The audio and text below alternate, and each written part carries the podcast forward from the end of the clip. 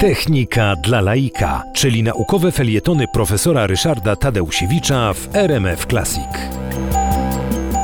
James Clerk Maxwell, jak opowiadałem w poprzednim spotkaniu z Państwem, wymyślił, że musi istnieć e, fala elektromagnetyczna, ale nigdy takiej fali nie był w stanie ani zobaczyć, ani wyprodukować, ani w żaden sposób zmierzyć. Człowiekiem, który napełnił tą teorię Maxwella konkretami, był Henryk Hertz, bardzo uzdolniony fizyk, uczelny Hermana Helmholtza, e, który tak bardzo liczył, że e, właśnie Hertz wykryje te fale elektromagnetyczne, że spowodował, spowodował, że Pruska Akademia Nauk wyznaczyła bardzo wysoką nagrodę pieniężną dla tego, kto właśnie te fale elektromagnetyczne zbada i udowodni. Przypadek zdarzył, że w 1886 roku Hertz badał działanie spiral race'a, takich specjalnych induktorów elektromagnetycznych i zauważył, że jak włączał te swoje cewki, to na urządzeniach w pobliżu przeskakiwały iskry. Jedynym czynnikiem, który mógł łączyć te cewki z tymi miejscami, gdzie przeskakiwały iskry, to były takie butelki lejdejskie, to były właśnie fale elektromagnetyczne, które przewidywał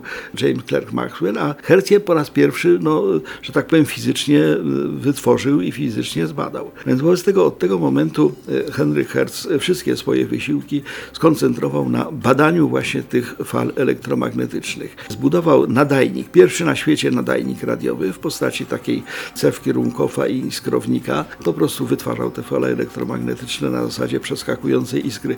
Nawiasem mówiąc, y, my słuchamy RMF-u na falach ultrakrótkich, natomiast gdybyśmy słuchali na falach długich, a w pobliżu byłaby burza, to słychać byłoby zakłócenia. To właśnie jest ten efekt, który y, wykrył Henry Hertz. Mianowicie, jak jest przeskok iskry, to pojawia się fala elektromagnetyczna. Na szczęście RMF się tego nie boi, bo nadaje w sposób niezależny od tych właśnie zakłóceń. Ale taka była geneza tego wykrycia, że jest radio. Henry Hertz zbudował nadajnik, zbudował odbiornik, Zbudował również specjalne takie y, anteny kierunkowe, to znaczy otoczył te swoje nadajniki i odbiorniki takimi blachami, trochę podobnymi do obecnych anten satelitarnych czy y, anten radarowych. No i y, zbadał kierunkowe działanie tych fal. Praktycznie biorąc wszystko to opisał. Opublikował rewolucyjną pracę w 1886 i 1887 roku.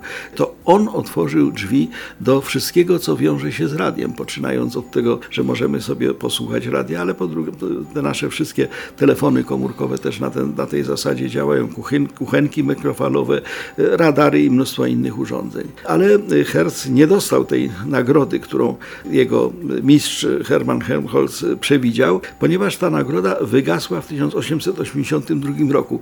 Nikt jej nie dostał, wobec tego zlikwidowano tą nagrodę. Niemniej Hertz rzeczywiście wytworzył jako pierwszy na świecie fale radiowe, zbadał jako pierwszy na świecie fale radiowe, no poznał ich właściwości bardzo dobrze. Natomiast zapytany przez y, współpracowników, a do czego to się może przydać? Powiedział, nie, no to się do niczego nigdy nie przyda.